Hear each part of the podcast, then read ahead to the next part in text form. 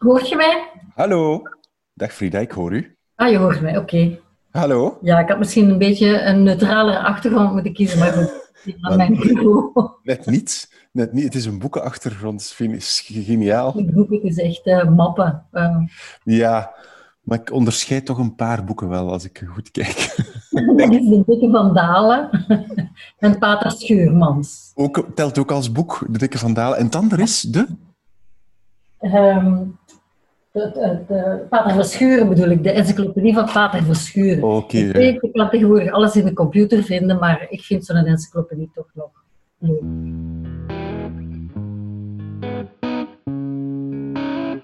Dit gesprek is opgenomen in volle coronacrisis. Mijn gast thuis in Leuven, ik thuis in Gent. We hebben gepraat via video. Mijn naam is Wim Oosterlink en je luistert naar de podcast Drie Boeken, waarin ik elke week met een boekenliefhebber praat over de drie boeken die je volgens hem of haar moet gelezen hebben. Vandaag Frida van Wijk, 69 jaar. Ze is tv-presentatrice en journaliste. Ze maakte nieuws- en entertainmentprogramma's voor de VRT, onder meer De Laatste Show, Panorama, Ter Zake, Spraakmaker, Konings en Van Wijk, Ten Huize van en De Klas van Frida en nog veel meer programma's. Ik heb eerder in deze podcastreeks al gepraat met haar goede vriendin en leesmaatje Leen de Marais. Ook die aflevering vind je op de website wimoosterlink.be onder het kopje podcast drie boeken. Het gesprek ging over Bibliotheek van Wijk, over stripverhalen. Het ging bijzonder veel over stripverhalen eigenlijk. Over de onverbiddelijke strijd tussen Frida van Wijk en haar man over een nieuw boek. En er is ook het moment waarop Frida van Wijk mij absoluut wil doen lachen met een grap van Robbe Does via de webcam. Alle boeken en auteurs in deze aflevering vind je opgelijst op de website wimoosterlink.be onder het kopje podcast drie boeken. Daar vind je alle afleveringen van deze podcast terug. Veel luisterplezier met de drie boeken die je moet gelezen hebben, volgens Frida van Wijk. Mijn boeken staan in mijn slaapkamer en mijn stripverhalen die staan in de living.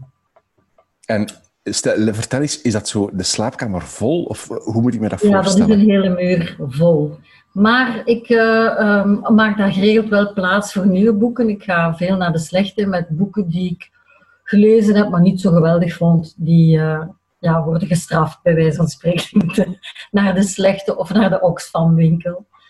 Uh, ja, omdat soms miskoop je het toch wel. Alleen dan krijg dat goede recensies, maar dan blijkt dat toch niet helemaal mijn smaak te zijn. En dan lees ik dat wel uit, maar dat zijn zo geen boeken die ik bijhoud om nog eens uit te lenen aan iemand of zo. Je houdt enkel boeken die je goed vindt, dus? Ja. Ik zat daar laatst over te denken, mijn eerste echte boekenkast, ik denk dat dat één plankje was.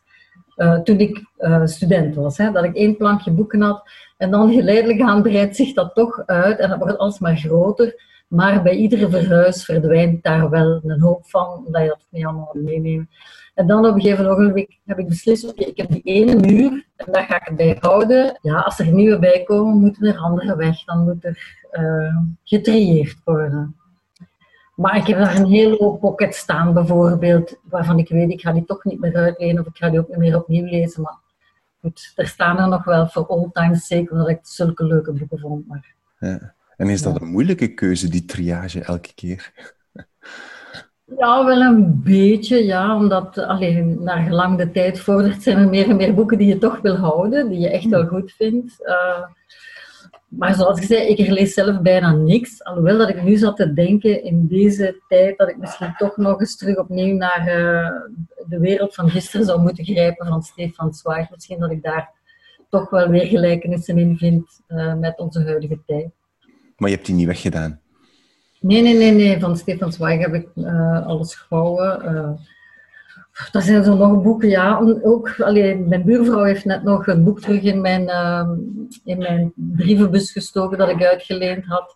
Uh, ja, we lenen geregeld wel boeken van elkaar. Het is niet goed voor de boekhandel natuurlijk, maar ik denk dat dat eigenlijk de beste, de beste, het beste advies is. Meer dan recensies in kranten of zo, is eigenlijk wat, ja, wat mensen die je kent en hun smaakje een beetje kent en wat er die vertellen dat ze graag gelezen hebben. Meestal valt dat dan ook wel goed. Ja, zoals de buurvrouw. De buurvrouw, uh, ik denk dat buurvrouw een iets andere smaak heeft dan ik, maar we zitten alle twee zo wel nogal in uh, geschiedenisachtige dingen. Of gelijk Leen, ja, Leen en ik, we hebben bijna dezelfde smaak van boeken eigenlijk. Leen de Marais, ja. ja, ja. En um, lees je veel? Vertel eens hoe, hoeveel je leest zo per week? Uh, uh, per week, ik denk dat ik op een jaar zo aan 25 à 30 boeken kom. Dat is niet massaal veel, maar ja, je bent de hele dag ook wel bezig. Ik vind het moeilijk om in deze tijd door te lezen. Omdat om de haverklap, um, in deze tijd van corona en lockdown, hè, mensen uh, toch contact willen houden via allerlei sociale media en FaceTime. je wordt, ik weet veel meer van mijn vrienden en kennissen nu dan in normale tijden. Iedereen houdt je op de hoogte met foto's en met memes en met en bellen. En, uh, het is moeilijk om dan door te lezen. Je hebt soms zoiets van, laat mij nu allemaal een keer met rust, ik wil lezen. Ja.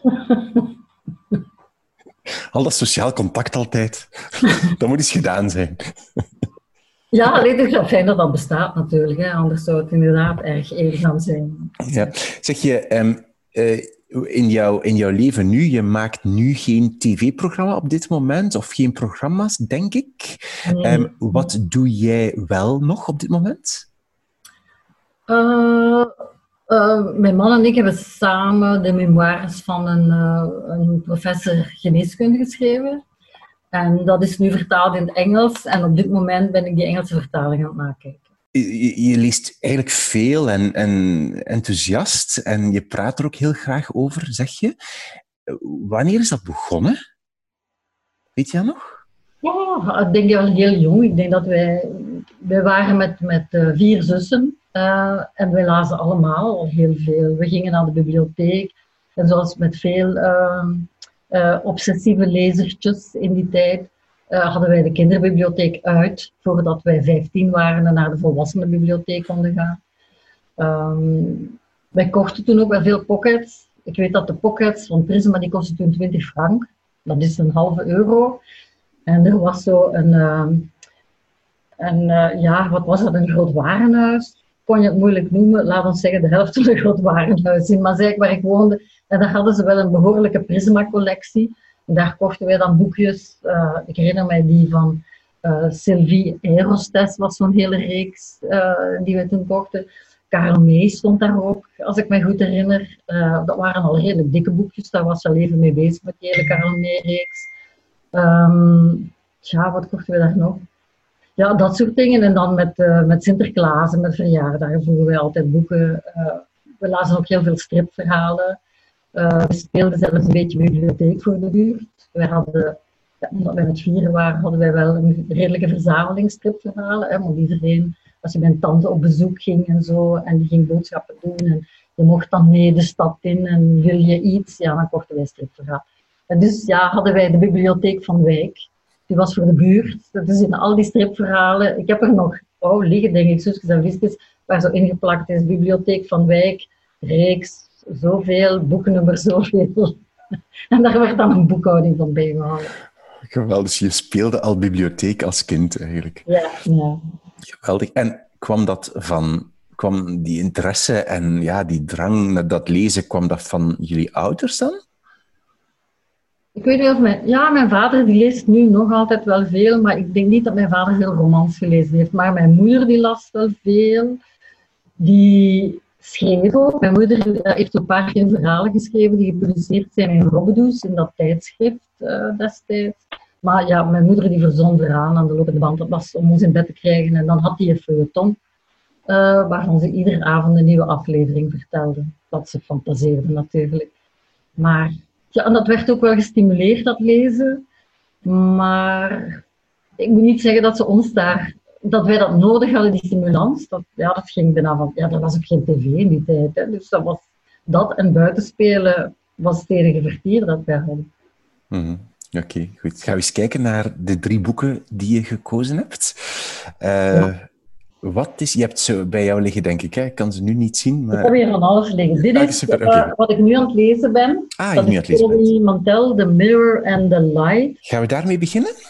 Ja, laten we daar maar beginnen. Ja? Oké, dus... ja, ik heb maar een bladzijde 103 van dit. Dit is het derde deel, hè. zo zijn er nog twee. Ja, dus even zeggen, dus, zeg nog eens, de, de, de auteur is... Hilary Mantel. Ja, en het is eigenlijk... Mantel als mantel, hè. En het is een trilogie. Hè? Je kiest eigenlijk de trilogie als eerste boek. Hè?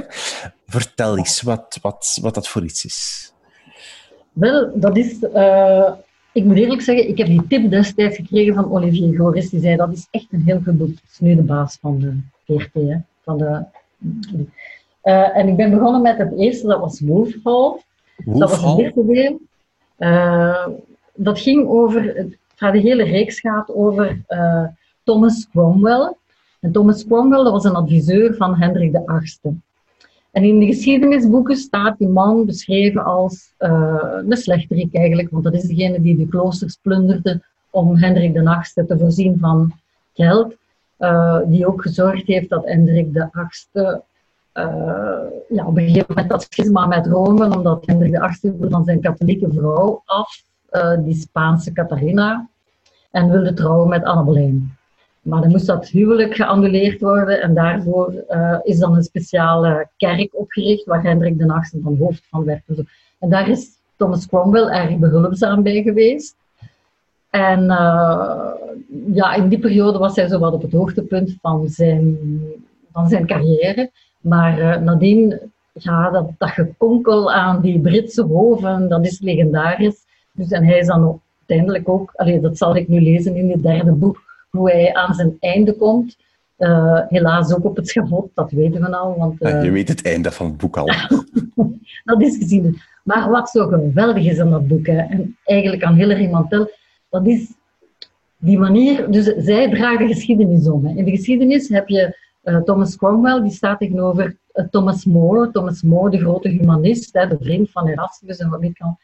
Dus zij maakt eigenlijk van Thomas Cromwell een wijze man, hoewel het in de geschiedenisboeken uh, beschreven staat als de slechterik.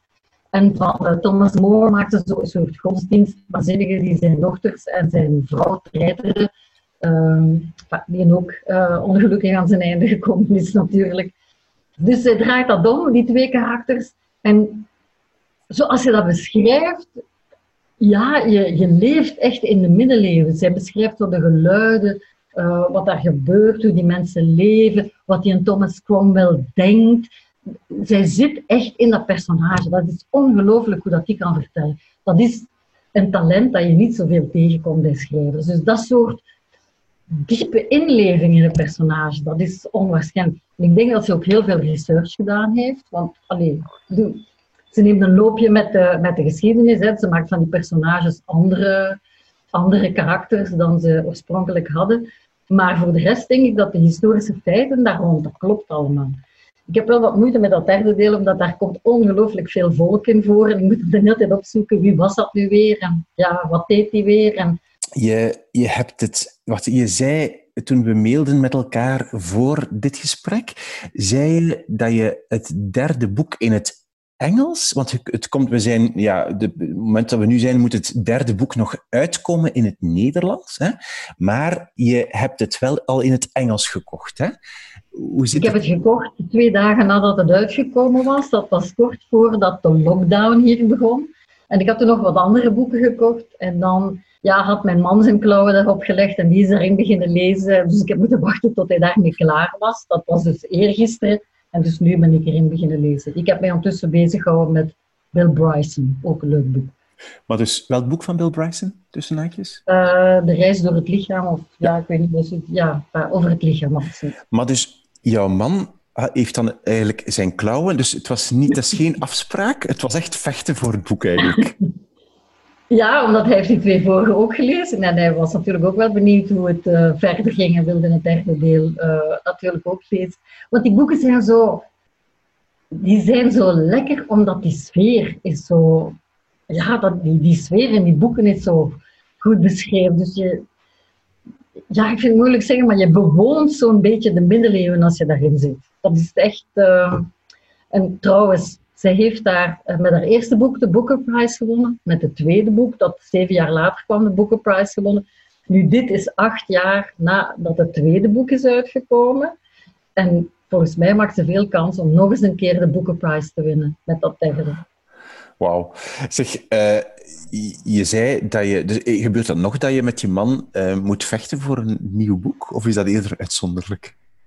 Bo, ja, dat is zo wel wat uitzonderlijk. We hebben zo... Er is een gemene deel van een aantal boeken die we alle twee lezen, maar verder zit hij wel veel meer in zo dat ja, wat moet ik zeggen, zo, ja, dat, filosofische managerial benadering van de werkelijkheid. Uh, weet je, Israëli nu weer, uh, waar iedereen nu... Harari, Yuval, uh, ja, ja, Noah, ja, ja, ja. Daar heeft hij alle boeken van gelezen. Ja. Eh, ja. nog zo van... Dus hij zit meer in dat genre. Maar af en toe leest hij ook wel romans, maar die moeten dan echt wel heel goed zijn. Bijvoorbeeld uh, dit zijn de namen van Tommy Wieringa, had ik gelezen. Dat heb ik hem aangeraden, dat vond ik ook wel heel goed. En ik heb nu ook net nog uh, de Jacobsboeken gekocht, op aanraden van Leen. Maar van de Nobelprijswinnares, ja. Ja, van Tokarczuk of zoiets. Op aanraden van Leen Dummery. Die zei dat dat eigenlijk toch wel goed was, want ik had er alles in gebladerd. En dat zag mij toch zo'n beetje uitdagend uit. Uh, maar uh, daar ben ik nog niet in begonnen. Maar ik denk dat dat zo wel iets is dat mijn man ook zou lezen. Maar ja, ik lees ook veel boeken tussendoor waarvan ik weet, ja, daar is hij niet in geïnteresseerd. Dat, uh, dat leest hij niet. Um, je zegt over dat boek van die, ik weet, kan haar naam niet uitspreken, Tok, Tokcharek het is niet juist. Of zoiets, ja, dat het uitdagend is. Het is. Dat is een heel dik boek ook. En het boek dat jij nu vast hebt, dus het derde deel van, um, van de, de Cromwell-trilogie, als ik het zo mag noemen, van Hilary Mantel, is ook een boek van meer dan duizend bladzijden. Hoe, hoe sta je daar tegenover? Vind je dat leuk als een boek zo dik is? Of houd je dat net tegen om eraan te beginnen? Nee, nee, ik, ik heb dat heel graag, dikke boeken. Allee, als, als het goede boeken zijn natuurlijk, omdat ze dan lang duren. Het enige nadeel aan die boeken is dat die moeilijk lezen in bed. Dus die zijn ja, moeilijk vast te houden in bed. Uh, je hebt altijd een helft die veel te zwaar is. Als je halverwege zit, gaat dat. Uh, dan kan je ze zo zijlinks hè, zetten. Maar anders ja, zit je altijd met één dunne kant en één dikke kant. En uh, ik lees op mijn zij. op mijn rug liggend vind ik moeilijk, dat hou ik niet lang uit. Dus dat is het enige nadeel van dikke boeken. Maar verder, ik weet niet, ik heb zo het achtste leven van uh, Haratishvili ook graag gelezen. Dat was ook, ja, ik weet niet, ook duizend bladzijden. Ja, ja, ja, ja. Dat was ook een fantastisch boek. Of uh, er is nog zo'n generatieboek, uh, wat ik ook zo'n gezellig boek vond. Het lot van de familie Meijer. Van, het lot van de familie Meijer, hoe heet die man weer? Um, Charles Lewinsky. Dat is ook zo'n heerlijk boek, zo. dat gaat ook over drie generaties. Dat duurt ook lekker lang en dat is ook zoiets van 800 bladzijden of, uh, of meer. Ja. Heeft, heeft een boek dan nodig om zo um, dik te zijn, om echt, om echt er helemaal in te geraken voor jou? Nee, nee, er zijn ook boeken waarvan dat ik denk, hm, dit had wel met 300 bladzijden minder gekund. Maar als het goede boeken zijn, is het natuurlijk heerlijk als ze zo dik zijn. Maar er zijn er inderdaad ook wel die ik gekocht heb en dat ik dacht, ja, luister, hier wordt het wel wat dunnetjes en uh, een beetje uitgesmeerd en dat hoefde allemaal niet. Maar ja, we zijn ondertussen al naar de slechte. Voilà. Je, je zit aan, welke pagina zit je nu? 100 en hoeveel? Oh, 100, 100 en iets, 120 of zo. Ja, ja, ja. Ik heb nog wel wat te gaan. En ben je nu zo echt zo aan het popelen om voor te lezen? Of ben je zover nog niet? Uh, jawel, want ik dacht deze namiddag mij in de tuin te installeren en verder te lezen als er dan weer niemand belt. Want, uh... Sorry, ik, toen belde ik. ja, ja. Nee, maar ik vind dat wel, uh, dat is, daar is zo wel iets van. Ik weet in een tijd toen, ik werkte toen nog op de Wereldomroep en toen waren die boeken van James, James Clavel, The Shogun, erg in trek. Er, waren ook tamelijk dikke, dikke pockets ik weet dat ik s'avonds naar huis reed. Toen was nog niet zoveel film als nu. Ik spreek over de jaren 80. S'avonds naar huis reed gewoon maar met één ding in gedachten. Oké, dan kom ik thuis, ik smeer mij rap mijn boterham en dan begin ik te lezen. Omdat die, ja, die, die zijn zo...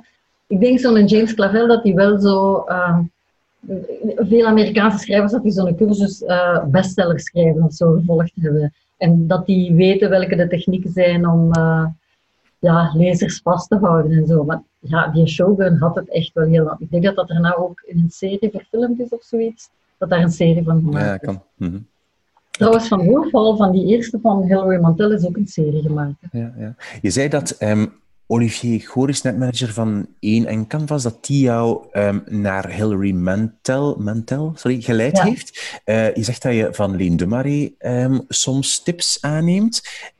jouw buurvrouw wissel je een beetje uit. Zijn er zo nog vaste mensen?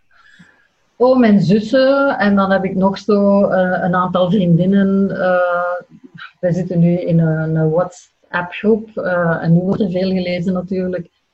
ik heb nog een vriendin die zit in een boekenclub. die heeft ook regelmatig wel eens een goede tip. Dus eigenlijk vooral op basis van, ja, van hearsay, zo dat je mm -hmm. boeken begint te lezen, veel leren dan recensies in kranten. Waarvan ik mij soms ook afvraag, ja, is dat nu een goed boek of is dat geen goed boek? Die blijven zo meestal wel op de vlakte. Hè. Uh, soms krijgt wel eens een boek vijf sterren en dan denk ik, dat zal wel echt een goed boek zijn. Maar de meeste krijgen vier sterren en dan denk ik, ja, dat zal zo'n boek zijn dat niet slecht is, maar ook niet goed. Ja, ja. daar geef ik dan geen geld aan uit. Want ik ga ook nog veel naar de bibliotheek.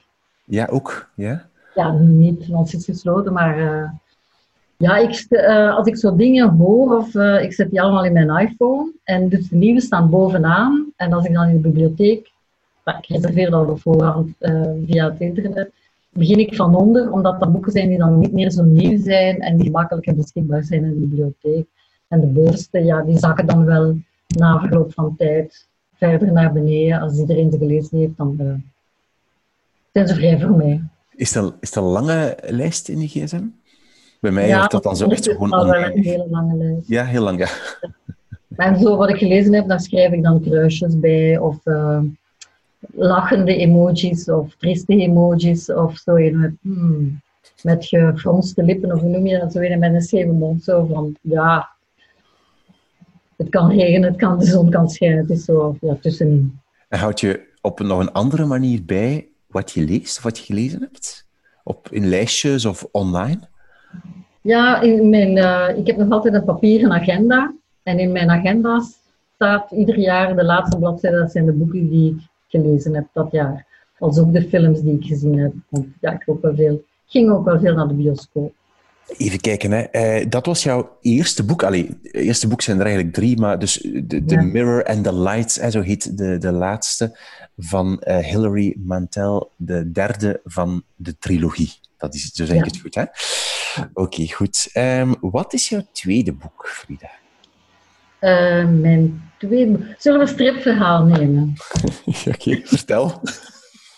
Je wil heel graag een stripverhaal erbij, ik voel het.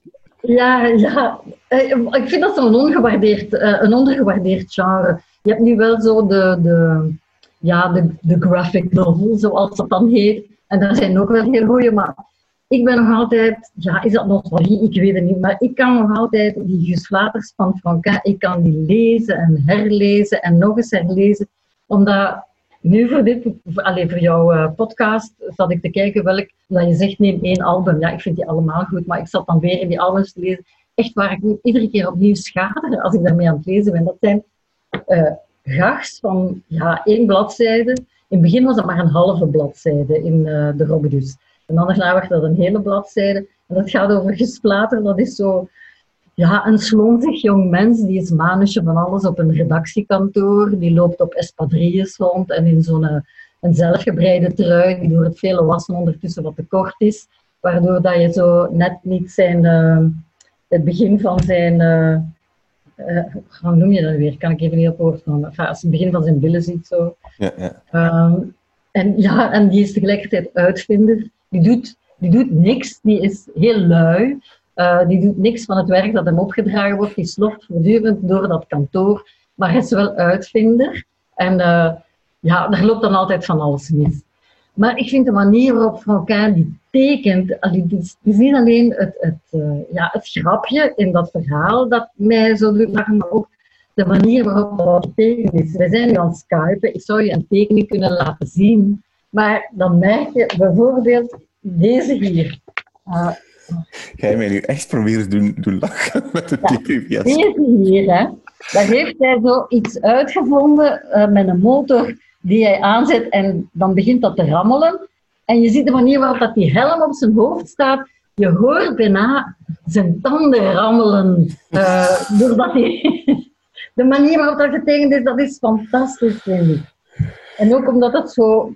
Ja, Frank heeft ook wel wat oog voor design en zo. Um, en of, of zo mensen die kwaad zijn of gefrustreerd zijn, of die uh, een map krijgen, de manier waarop die getekend zijn, dat, is, dat op zich is al genoeg om mee te lachen. Ik kan die lezen en herlezen en nog eens opnieuw lezen. En zeker aan te bevelen als je zo een lichtgeval van corona hebt, koop je uh, een paar van die uh, albums. Alleen maar wat een, wat een eerbetoon aan, uh, aan Frank. Echt fantastisch. Uh, want je bent wel de eerste in heel mijn reeks tot nu toe van de podcast die een strip kiest. Wat wel opvallend is. Hè? Een hele muur vol met stripverhalen staan. En dat is... Ja, dat is ook... Wij zijn daarmee grootgebracht. We hadden een abonnement vroeger op Robbedoes, op het tijdschrift.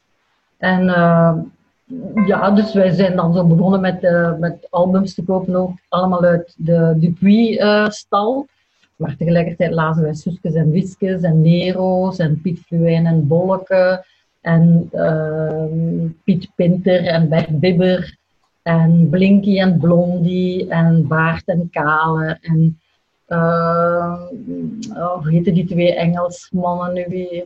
Uh, Blake en Mortimer? Ja. Ja? ja. Oh, ik weet ja, iets van over. Ja, dat klopt, ja. Uh, ja, nog zo. En dan zo in de jaren 70, ja, midden jaren 70, begin jaren 80, toen werkte ik op de Wereldomroep en toen had ik uh, een van mijn collega's daar, um, die had al heel wat Franse strips gelezen. En daar kende ik eigenlijk niet zoveel van, want heel die Dupuis-reeksen had ik in het Nederlands gelezen. Die waren oorspronkelijk natuurlijk ook in Frans verschenen. Maar uh, dan heb ik kennis gemaakt met ja, uh, Claire Bretécher, Lozier, Reiser, Wolinski, al dat soort uh, figuren.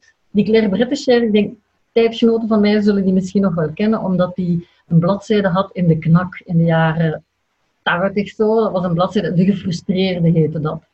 Dat was zo ook een grap van één bladzijde. En dat was een geweldige satire op, ja, wat zal ik zeggen, ons soort mensen. Zo. De, de, de maar toch ondertussen al een beetje gesettelde alleen mensen die wel een job hadden en zo, hè, die niet in de marge moesten leven of zo, en die genoeg geld hadden om, uh, om te eten en te drinken wat ze wilden en om te gaan en te staan waar ze wilden.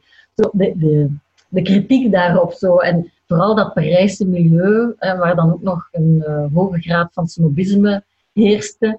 Uh, want ik herinner me zo één, dat vond, ik echt gevonden, dat was... Uh, dat was in die tijd, waren er ook veel Chileense vluchtelingen. Begin jaren 70 en 73, met Hal van Allende. En uh, ja, dat waren zo de eerste immigranten die naar hier kwamen. En die werden verwelkomd. Dat kun je je nu niet meer voorstellen.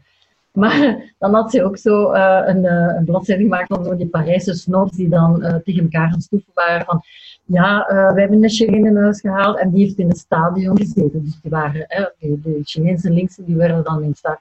Ah, maar wij hebben een Chileen gehad en die is gemarteld geweest. En, uh, en, en dan, ja, maar wij hebben een Chileen gehad en ook die zijn moeder en zijn vader zijn gearresteerd. Zo tegen elkaar. Dat soort, ja, dat soort die of zo, ja.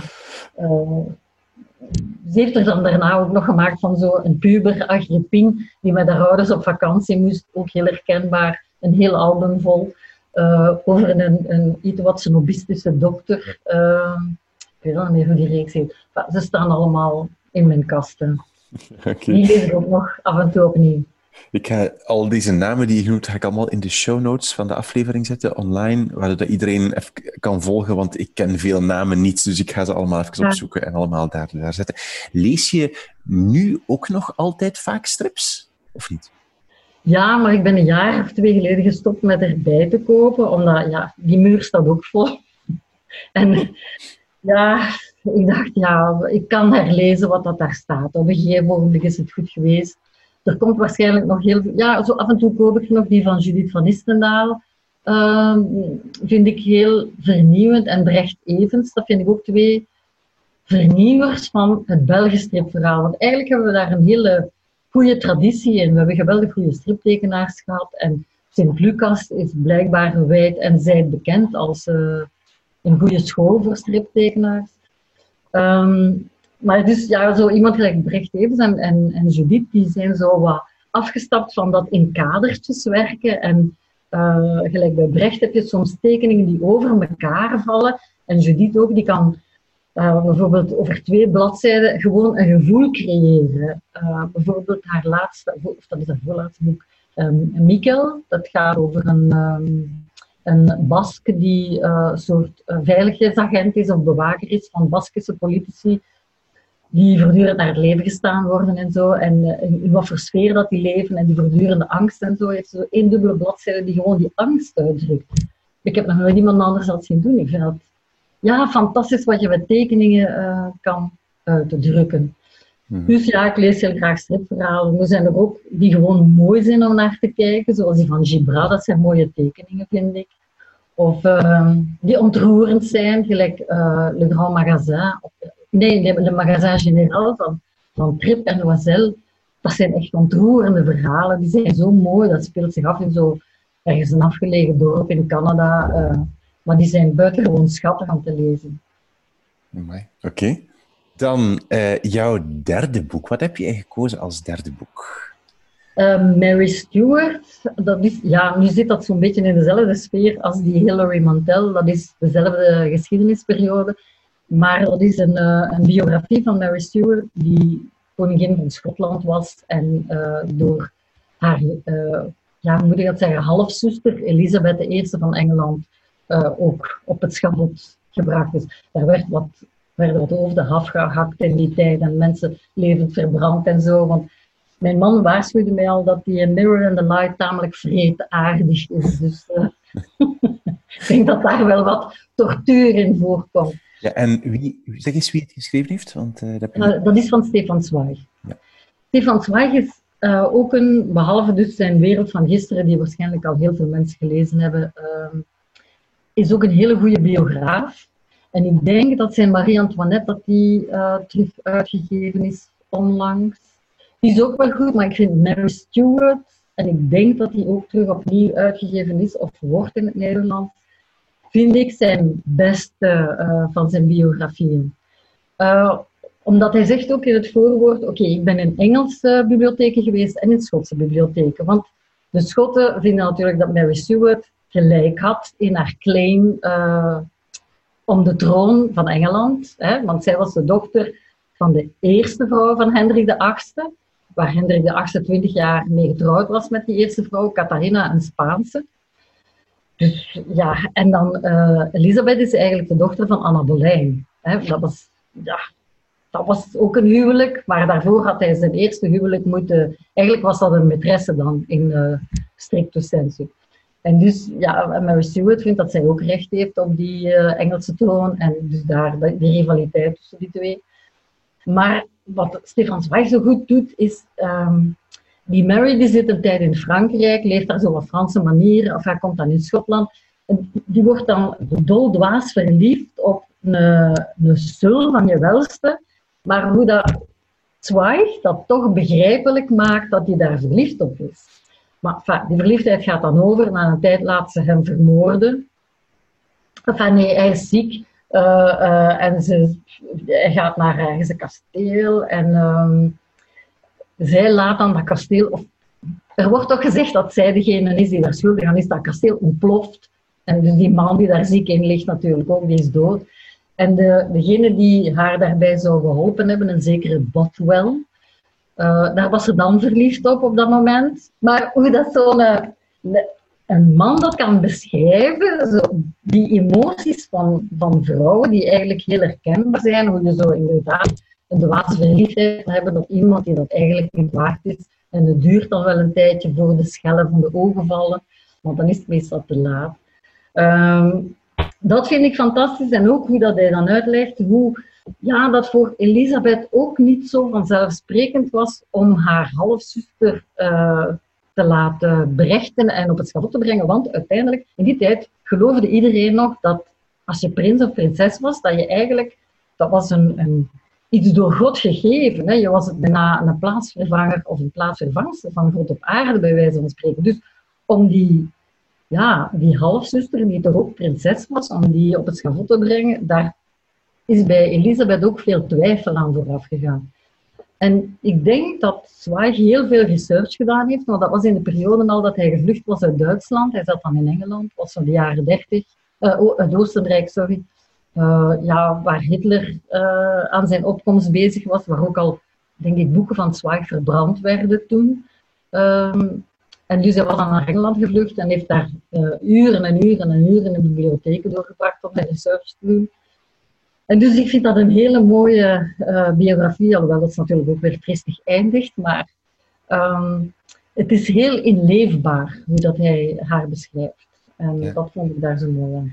En is het, je zegt biografie, um, want ik heb diezelfde vraag eigenlijk ook over jou, jouw eerste boek, over Hilary Mantel. Ja, in welke mate is dat dan echt en in welke mate is het dan roman of is het daar fictie bij? Weet, weet je dat? Ah, Hilary Mantel, dat is uh, pure fictie. Puur fictie ja. Maar uh, wat Stefan Zweig doet, hij zegt dat ergens, ergens in zijn inleiding, denk ik of zo, dat hij in die bibliotheek echt research gedaan heeft en dat hij speciaal ook naar Schotland geweest is, omdat in Engeland alle boeken die hij daar vindt zijn pro-Elisabeth, terwijl in Schotland de boeken pro-Mary Stuart zijn uiteraard, omdat zij koningin was van Schotland. Um, en ik denk dat hij een echt wel serieuze uh, research gedaan heeft.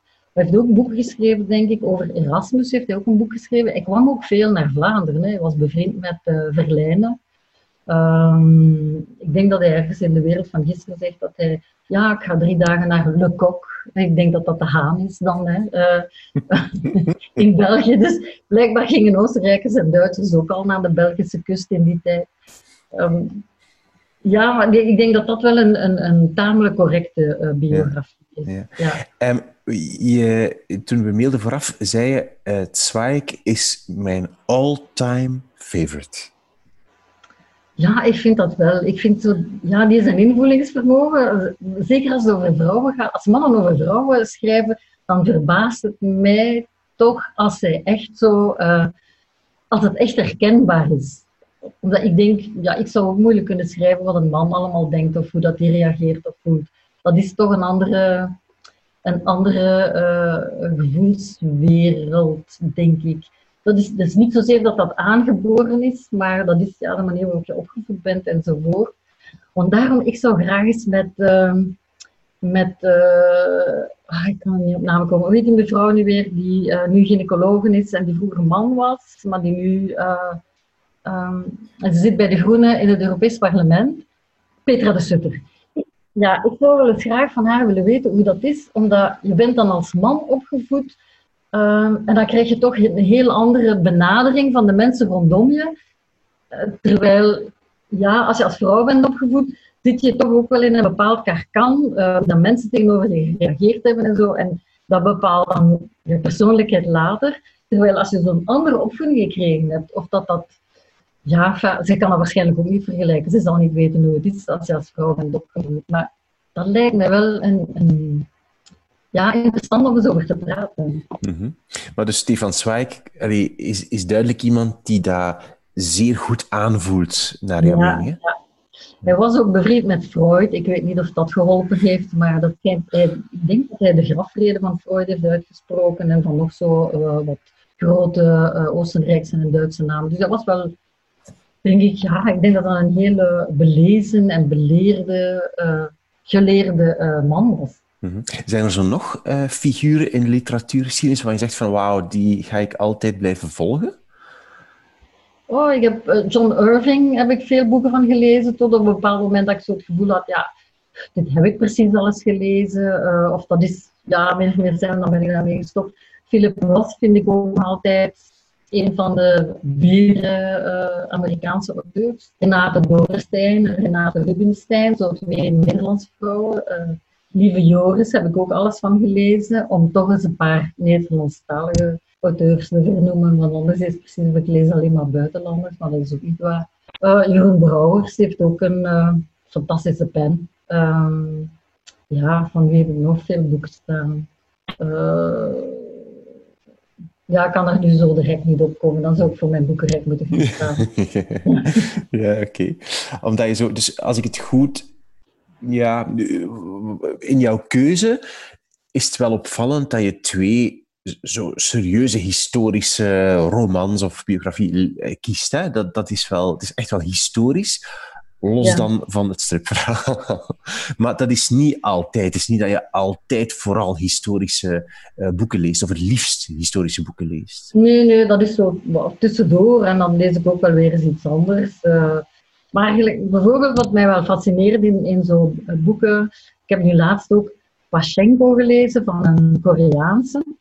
En dat is zo'n beetje gelijk ook die, dat achterleven van Nino Haratischvili. Wat daar leuk aan is, dat is um, of wat daar interessant aan is, dat is een verhaal, dat is fictie, maar dat speelt zich af tegen een, een realistische achtergrond. Die, het achtste leven, dat is ja, een beetje de geschiedenis in Georgië en Rusland, van Stalin tot nu.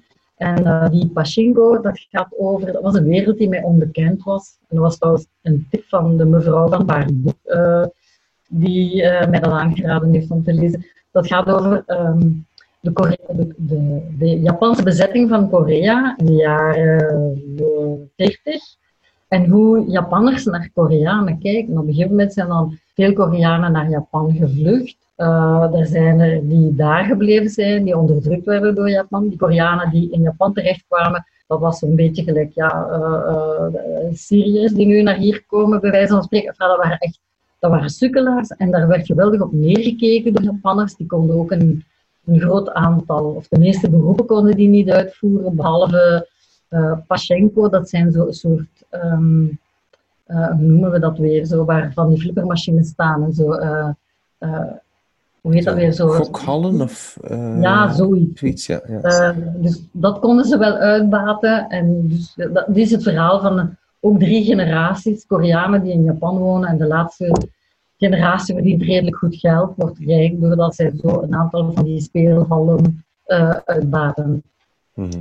Maar dat vind ik daar interessant aan. Je krijgt een verhaal hè, een, over een, een familie dat een verzonnen verhaal is, maar die achtergrond is wel interessant, omdat die mij totaal onbekend was. Net zoals, ja, ik bedoel, van Stalin en, en Rusland weet je wel een en ander, maar uh, daar worden toch veel meer dingen in beschreven die je zo in geschiedenisboeken niet leest, of ja, waar je zelfs niet aan begint, denk ik, om te lezen.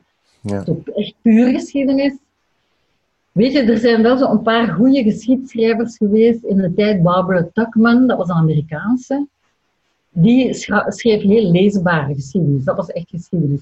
En nu, uh, de laatste tijd, heb ik er een paar gelezen van David McCullough die onder andere uh, The Wright Brothers geschreven heeft. Een heel lezenswaardig boek over die twee broers die het, vliegtuig hebben uitgevonden. En dat, is echt, dat leest gelijk een trein. Ik heb een, andere, een ander boek van hem, dat bezit ik in de helft. Dat gaat over het graven van het Panama-kanaal. Moet ook iets heroïs geweest zijn. Wat dat daar aan werknemers gestorven is, aan de gele koorts en wat weet ik allemaal. En rampen met aandelen. En, enfin, dat is ook een, uh, een hele lezenswaardige geschiedenis. Maar dat is echt puur geschiedenis. Dat zijn, ja, dat is, zijn geen verhalen. Of gelijk Bill Bryson, ja, dat is ook puur geschiedenis. Maar wel heel goed verteld, met zo wat anekdotiek in en zo. En dan, dat maakt het allemaal heel leesbaar. Mm -hmm. um, je zei het in het begin, je hebt zelf samen met je man ook een uh, boek geschreven over een, um, een, een arts, hè, Collen. Um, ga, je, ga je nog dingen schrijven? Zou je nog dingen willen schrijven zelf? Ik weet niet, dit was nu echt heel toevallig. Die professor Collen had dat aan mijn man gevraagd om dat te doen. En die had, mijn man had op dat ogenblik geen tijd. En die zei tegen mij, kunt jij er al niet aan beginnen? Uh, en dan had ik een klein boekje gelezen uh, met ja, een soort biografie van het prof dat vroeger al verschenen was. Ik vond het toch wel een spannend leven. En, interessant wat hij allemaal ontdekt had en hoe dat zo gegaan was. Dus ik dacht, ja, daar begin ik wel aan. Oké. Dan ben ik begonnen, maar ja, dat, is natuurlijk wel, dat ging over een materie, over fibrinolyse en trombolyse. En ik heb daar wel een beetje voor moeten studeren om mij dat eigen te maken en om dat allemaal te bestaan, want veel daarvan was voor mij Chinees. Maar uh, ja, nee, ik heb dat graag gedaan. Omdat dat ook zo'n beetje ja, een verderzetting is van het werk dat ik vroeger deed. Dus een beetje interviewen en uitschrijven. Um, en een beetje studeren en een beetje researchen en zo. En dat is iets wat ik altijd wel graag gedaan heb. Maar of dat daar nu nog uh, iets komt, ik weet het niet. mocht er iemand zijn met een interessant leven die dat graag beschreven wil hebben, dan moet ik dat wel eens bekijken. Eén adres van de wijk. Uh, ja, bibliotheek van Wijk. oké, goed. Oké. Okay. Uh, Frida, dankjewel. Ik ga je laten voortlezen hè, nu in uh, De Spiegel en het Licht van Hilary Mantel. Ja, ik denk dat hij zo gaat heten in het Nederlands. Ik weet het niet, maar ik vermoed wel. Ik bedoel, dat lijkt me toch niet moeilijk om dat zo te vertalen. En toen ging Frida van Wijk meteen de tuin in om voort te lezen. Maar ze kwam nog terug met een soort cadeautip. Maar dat is zo meteen eerst even zeggen dat je alle stripauteurs, alle verwijzingen, alle boeken, alle schrijvers die Frida of ik noemde in deze aflevering terugvindt op één plek op de website wimoosterlink.be. Klik op het kopje podcast drie boeken. Je vindt daar ook alle andere afleveringen van deze podcast terug. Mag ik vragen om bij twee mensen reclame te maken voor deze podcast? Meer mag ook, maar twee is super. Twee boekliefhebbers van wie je denkt dat ze hier ook graag naar zullen luisteren. Dank je wel daarvoor. De drie boeken van Frida van Wijken nog eens op een rij. 1. Hilary Mantel, De Spiegel en het Licht. 2. André Franquin, Gust Vlater, de reeks. 3. Stefan Zweig, Mary Stewart. Dankjewel om te luisteren. En toen sprong Frida van Wijk nog eens voor mijn webcam, omdat ze iets vergeten te zeggen was. Ik heb nog een paar boekje eigenlijk, dat had ik hier ook nog liggen. Heb je dat ooit gelezen? Wat, de Tirol Inferno van Annelies Verbeke? Nee. Ja, als je ooit mensen een boek een cadeau moet doen, dan dit is ideaal. Dat is helemaal in dichtvorm beschreven en dat is zo'n verhaal van mensen die... Uh, met zo'n skilift, maar een, een skicabine zo uh, naar boven gaan. En die blijft ineens ergens hangen. En in het begin is dat van, ja, uh, dat zal hier niet lang duren. En ah, ik heb nog een mars in mijn, uh, in mijn handtas, wil je de helft? En ik weet maar, hoe dat de irritatie tussen die mensen groeit naarmate dat het langer en langer duurt. En dat is met heel mooie tekeningen bij. En dat is allemaal in dichtvorm. En die cadans zit prima, dat zit echt goed. Dat is ongelooflijk. Ik vind dit een, een meesterwerk, dat is zo echt een boekje dat je ja, als je iemand een cadeau moet doen en je weet niet wat dat die graag lezen, dat is echt... Ik vind dat echt een tour de force van Annelies Verbeken en Klaas Verplanken.